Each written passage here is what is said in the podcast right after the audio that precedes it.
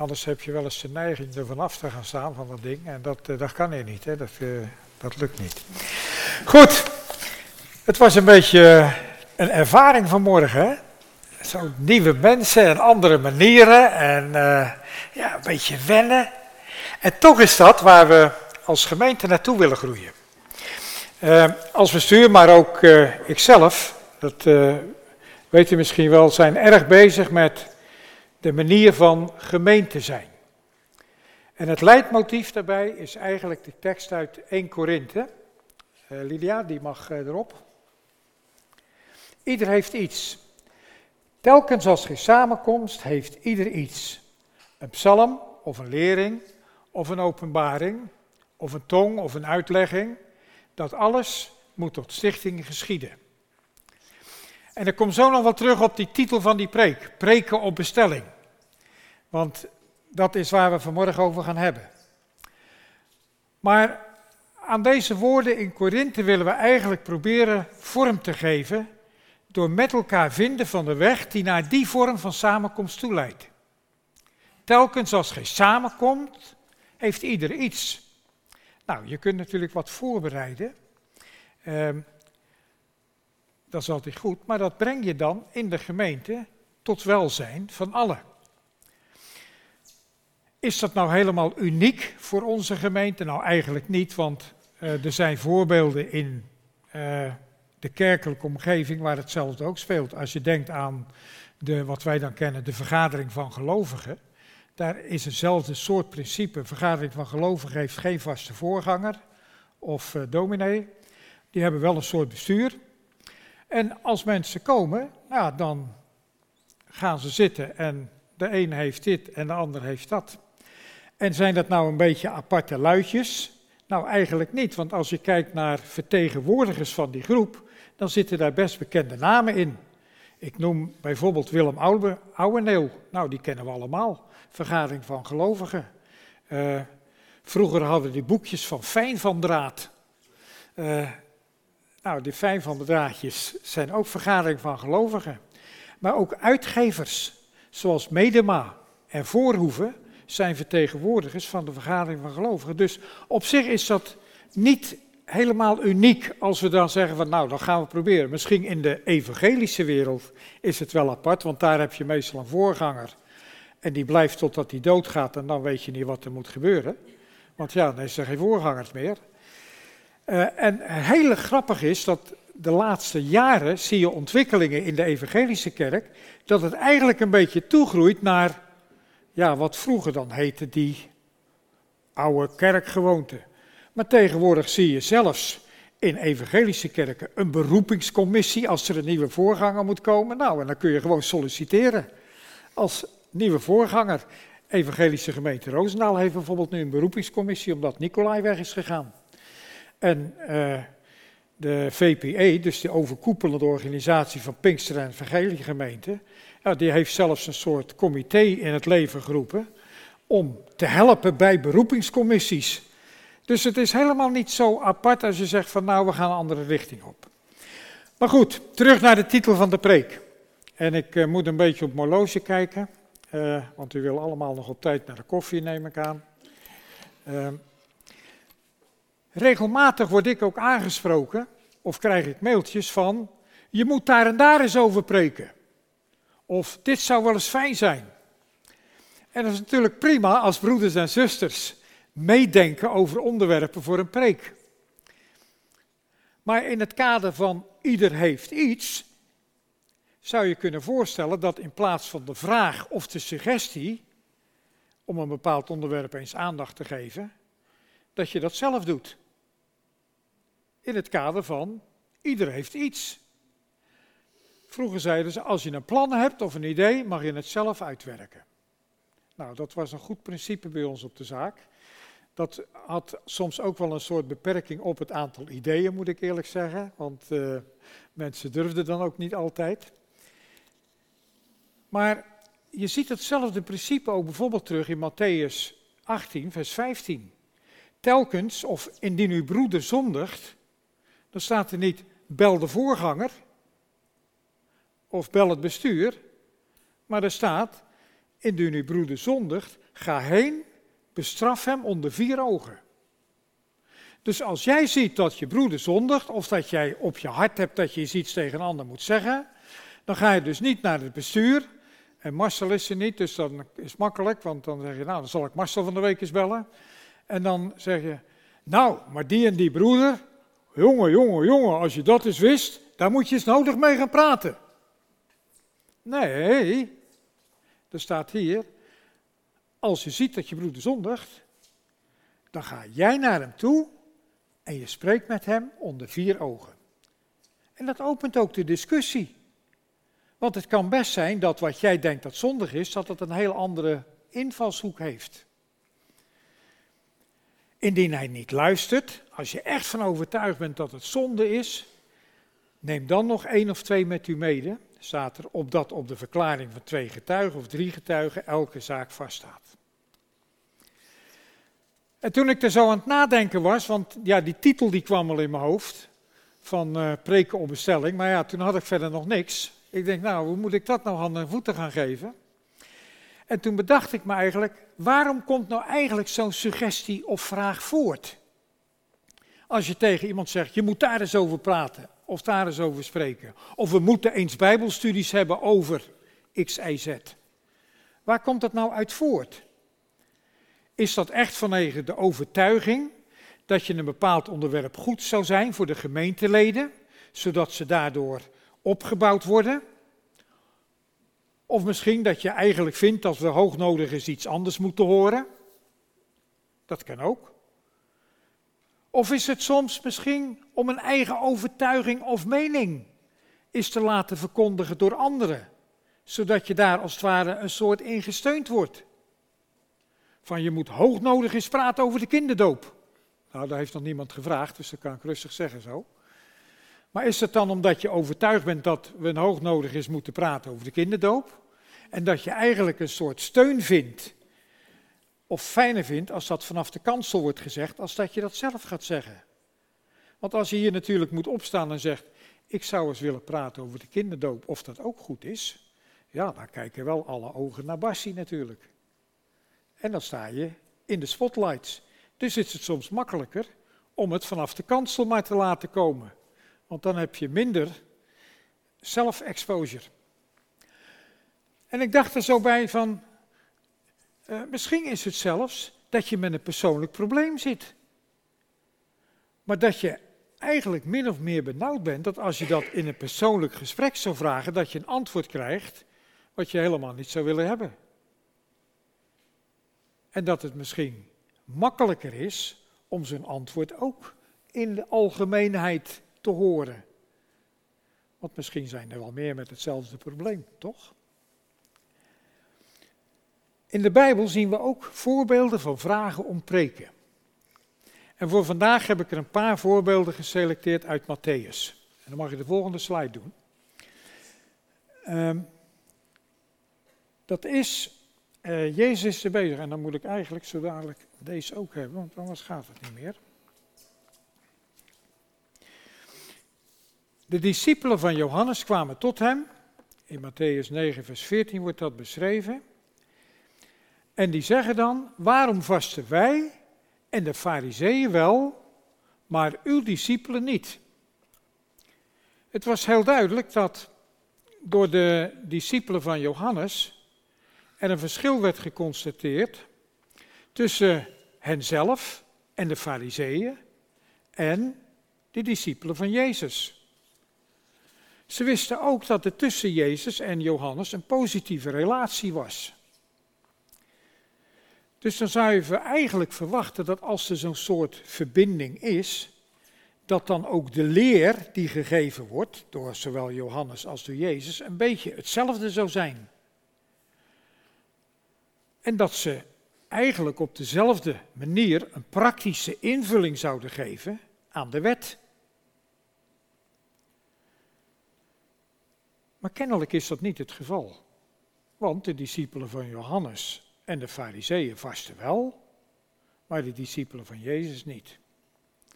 Was dat nou een oprecht verzoek om uitleg? Waarom? Of was in hun vraag eigenlijk een verwijt besloten? Van kijk eens, wij vasten wel, maar zij vasten helemaal niet. Eigenlijk een beetje, wij zijn de goeie en zij moeten nog een beetje leren. Zit dat er in die vraag? Het staat niet beschreven wat er in die vraag zit. Maar ik, ik bedacht me dat dat er best eens achter zou kunnen zitten. Van ja, je wilt het goede doen en je ziet anderen die kennelijk iets anders doen. En dat past niet in ons denkraam. Dus misschien wordt het tijd, Jezus, dat je eens een preek houdt over het vasten. Zodat die leerlingen van jou ook eens leren van hoe het eigenlijk moet. En hoe moet het eigenlijk? Nou, precies zoals wij doen natuurlijk. Want daar wil ik, dat wil ik graag horen. En als je dan kijkt naar het antwoord van Jezus, dan is dat een heel wonderlijk antwoord. Want gaat het dan plotseling over vasten? Nee, Jezus die zegt iets heel anders. Die zegt dan plotseling, heeft hij het over bruiloftsgasten. Dat die wel feesten als de bruiloft er is, maar als de bruidegom weg is, dat ze dan mogelijk zullen gaan vasten. En dan komt er nog een heel verhaal achter. Van dat je geen oude lappen of nieuwe lappen op een oude mantel moet, moet doen. En dat je jonge wijn niet in oude zakken moet doen. Nou, dat klopt ook wel. Maar goed, dat dat zullen we laten zitten. Maar eigenlijk krijg je een heel ander antwoord. Krijgen die discipelen nu eigenlijk antwoord op hun vraag? Dat ze zeggen, waarom vasten zij nou wel, of wij wel, maar jullie niet? Jonge wijn doe je in jonge zakken. En niet in oude zakken. Nou, ga daar maar mee terug. En als je daarover nadenkt, dan denk ik dat de Heer Jezus eigenlijk wil zeggen: kijk eens breder dan de vraag die je hebt. Laat je geestje leiden in hoe die oude waarheden, waarheden een plaats kunnen krijgen in de huidige tijd. Kijk eens naar die nieuwe lap die je nu hebt. Die moet misschien niet op die oude mantel geplakt worden, maar misschien heb je zelfs een nieuwe mantel nodig.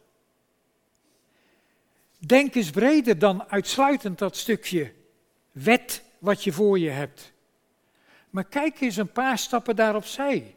Breng het eens in perspectief van vandaag de dag. En dan kan die jonge wijn in die jonge zakken ook rijpen en tot bloei komen. Die oude wijn is prima. En ze zeggen wel eens, oude wijn is voor oude zakken. En dat klopt ook, als je dat uh, drinkt, nietwaar? Maar goed, denk eens breder. Denk eens aan hoe die oude waarheden passen binnen het huidige denken, binnen je huidige theologie. Zonder de kern van het koninkrijk geweld aan te doen. Want dat blijft recht overeind staan. Het tweede voorbeeld vinden we in Matthäus 15, vers 23. Daar uh, is er een, uh, een, vrouw en die loopt uh, de hele tijd achter Jezus aan en achter de discipelen. En die zegt dan eigenlijk, die wil voortdurend, even kijken hoor waar ik zit, want dat gaat allemaal niet goed. In ieder geval, vraagt ze om genezing, dat haar dochter, of, dochter wordt eh, genezen. En die discipelen, die gaan naar Jezus toe en die zeggen, en kwamen bij hem en vroegen hem, zeggende, zend haar weg, want zij roept ons na. Nou.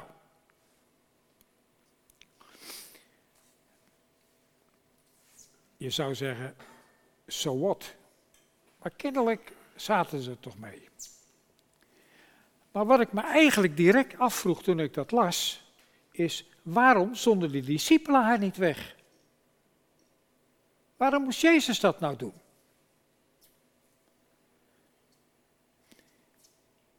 wilden ze voorkomen dat ze als negatieveling bekend zouden staan. Nou, bij die moet je niet komen, want die stuur je altijd weg. Of twijfelden ze aan hun gezag? Je kunt je vragen, waarom doen die discipelen dat niet? Want vergis je niet, als je een paar hoofdstukken daarvoor leest, dan hebben we gelezen hoe Jezus die discipelen heeft uitgezonden. Twee aan twee.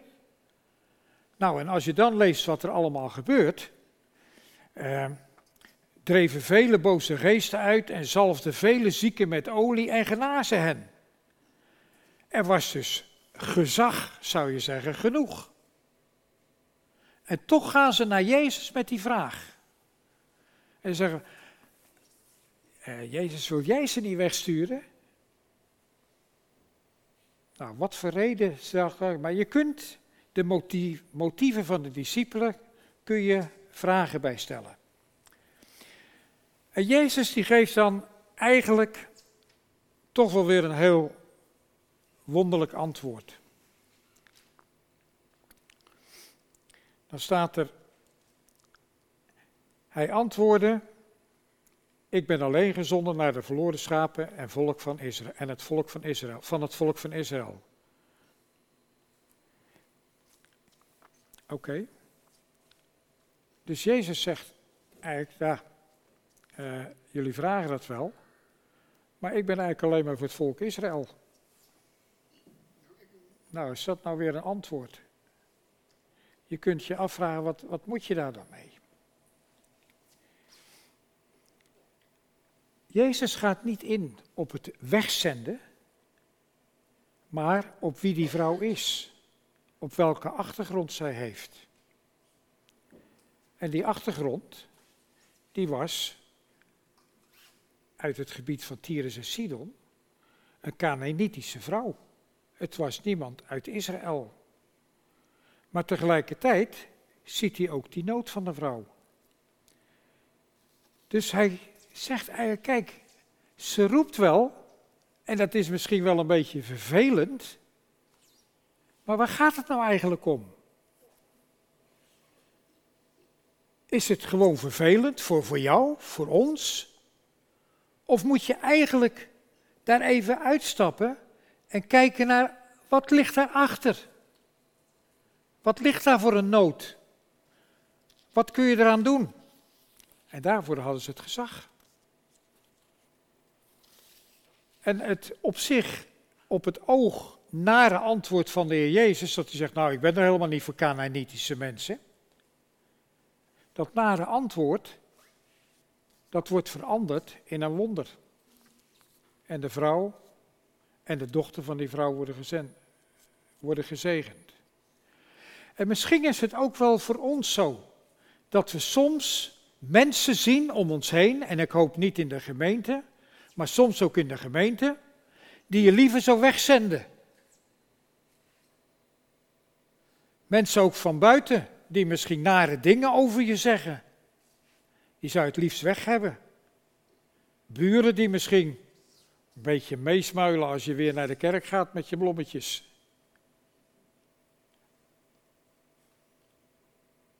Zou het liefst andere buren hebben, toch? Buren die eh, positief zijn. Maar het is niet. Misschien moeten we leren inderdaad door die eerste impressie heen te kijken. En te kijken, wat ligt erachter? Is er een andere nood? Is er een andere behoefte? Is er een andere zorg die ik kan verlenen? En als we zo gaan kijken, dan kan de Heer zijn oplossing geven. Want uiteindelijk ging die vrouw wel weg, maar wel gezegend. En dat is het grote verschil. Zend haar weg! En drie teksten later gaat die vrouw ook weg. Maar niet nadat ze de belofte heeft gekregen dat haar dochter is genezen. Geweldig toch? Als je zo mensen mag wegzenden en uitzenden. We gaan door naar een uh, derde tekst. Matthäus 18, vers 21. En dat is het bekende verhaal van Petrus.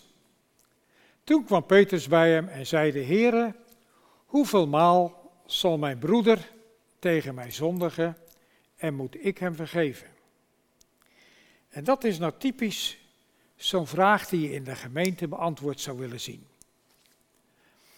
Want als je persoonlijk een antwoord zou krijgen hier, gaat dat mogelijk in een richting die je niet zou willen.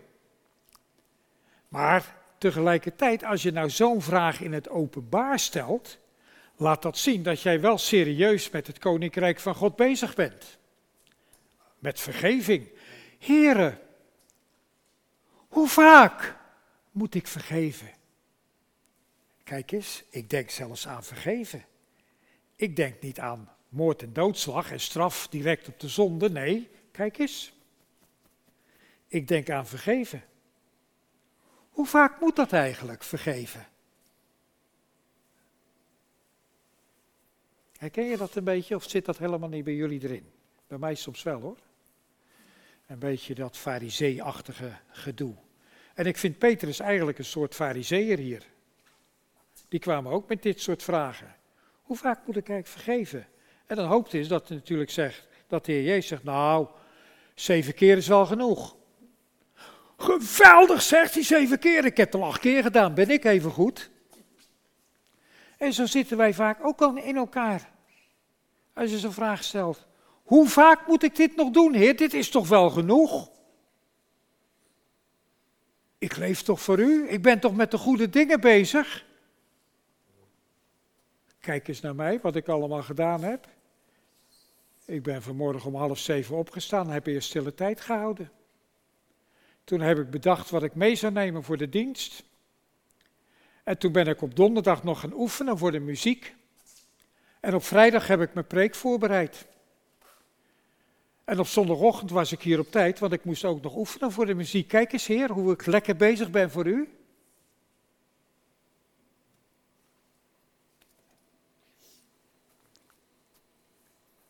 Waar gaat het nou eigenlijk om? Gaat het om dat verhaal, om Petrus? En Petrus zegt eigenlijk, zou je mijn verhaal van vergeven niet kunnen gebruiken voor een preek? Dat je daar eens over spreekt, over vergeven. En als mensen vergeven, nou, dan krijg ik misschien wel een heerlijk antwoord en misschien neemt hij mij zelfs als voorbeeld. Petrus krijgt inderdaad een preek. Maar het uiteindelijke antwoord is dat de vergeving veel verder gaat dan die oppervlakkige vergeving waar Petrus over spreekt. En in vers 15 van dit hoofdstuk. Daar staat zelfs, Alzo zal ook mijn hemelse Vader u doen, indien gij niet en ieder zijn broeder van harte vergeeft. En hoe staat dat erin? Dat is na dat voorbeeld, als Jezus die gelijkenis heeft verteld van die man die vergeven werd, een heel groot bedrag. En hij was zelfs, had hij nog een schuldtegoed van iemand anders. En dat was maar een heel klein bedrag. En vervolgens laat hij hem in de gevangenis gooien en eh, eigenlijk wachten tot het betaald is.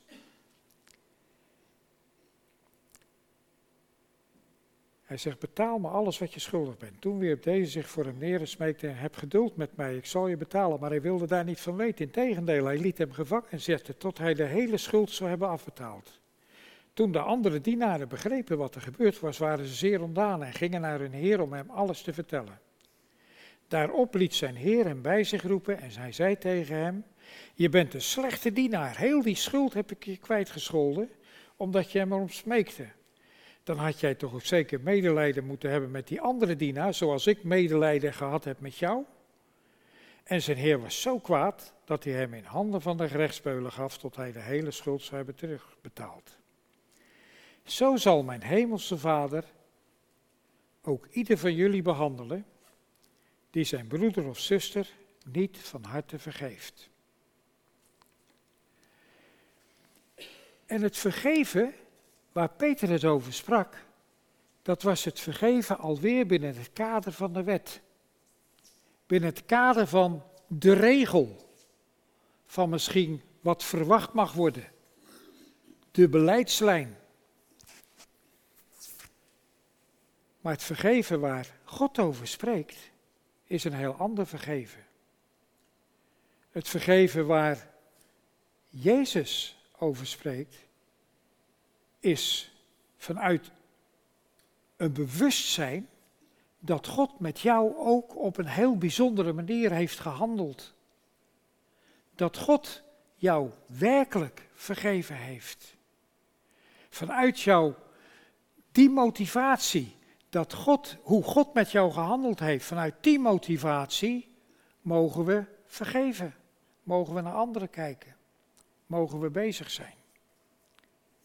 Niet vanuit de motivatie van de regel. Maar vanuit datgene wat God zelf aan jou heeft gegeven. En dat brengt je dan terug bij het feit van Heer, u heeft mij zoveel gegeven. Wat mag ik verder geven? Is het vergeving? Is het een woord ter lering? Is het een openbaring? Is het een psalm, een dankzegging, een lied, een getuigenis, een voornemen om naar de zending te gaan? Wat mag ik delen vanmorgen? En dat komt voort vanuit de innerlijke overtuiging hoe God met jou persoonlijk heeft gehandeld. En lieve mensen, als we spreken over we hebben allemaal iets, dan is dat niet een soort wetje wat we willen gaan opleggen.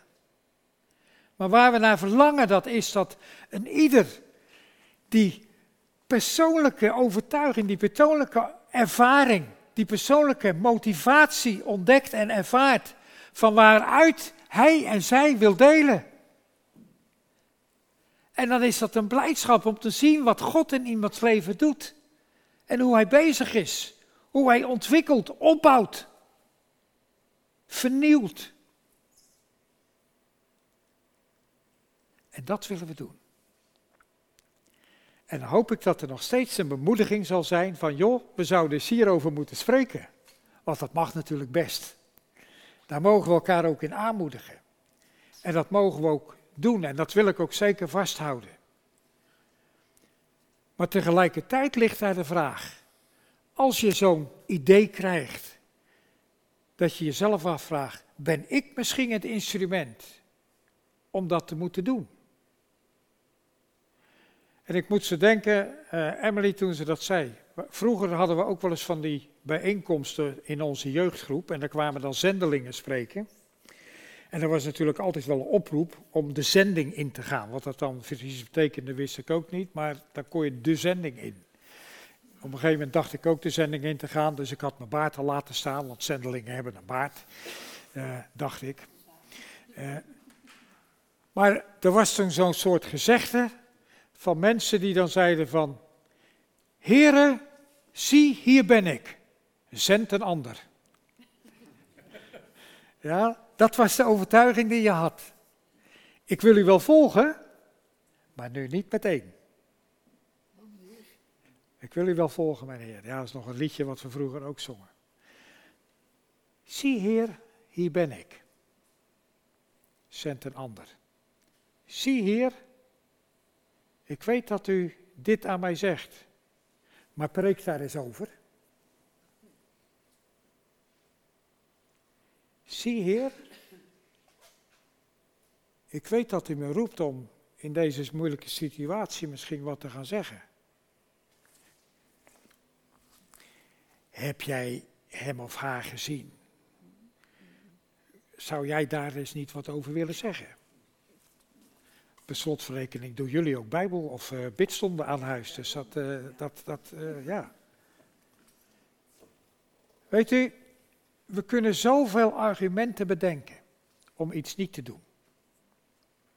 Maar laten we proberen en laten we eigenlijk ons openen om God dat werk in ons te laten verrichten.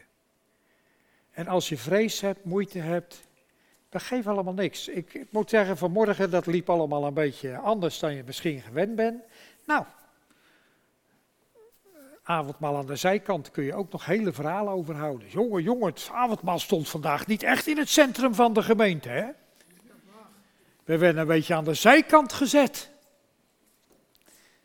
Ja, daar kun je hele verhalen over houden, hele theologieën misschien opbouwen. Misschien doen we het volgende keer avondmaal achterin. De stoelen andersom zetten, ja, kunnen we ook een keer doen. Dat je tegen die rug aanspreekt, uh, Johan. Dat is ook wel eens aardig. Dat idee hebben trouwens veel predikers toch wel hoor, dat ze tegen die rug aanpraten. Maar goed, dat uh, is weer een ander verhaal. En het was op de tweede zondag. Het was op de tweede zondag van de maand ook. Ja, maar dan wordt het weer traditie hè. Ja, ja, nou het was omdat ik vorige week vergeten was, uh, Bert. Ja, en jij was niet op vakantie, dus jij kon ons niet herinneren. Dat was het probleem. Maar zie je dat we dan traditie hebben? Iedere elke zondag van de maand hebben wij avondmaal. En doen we dat op de tweede zondag, is het dan wel goed? Ja, je kunt er van alles aan denken. Met elkaar mogen we gemeente zijn. Met elkaar mogen we God laten werken in ons persoonlijk en in ons samen zijn. En dat is echt het verlangen wat ik vanmorgen ook wil overbrengen.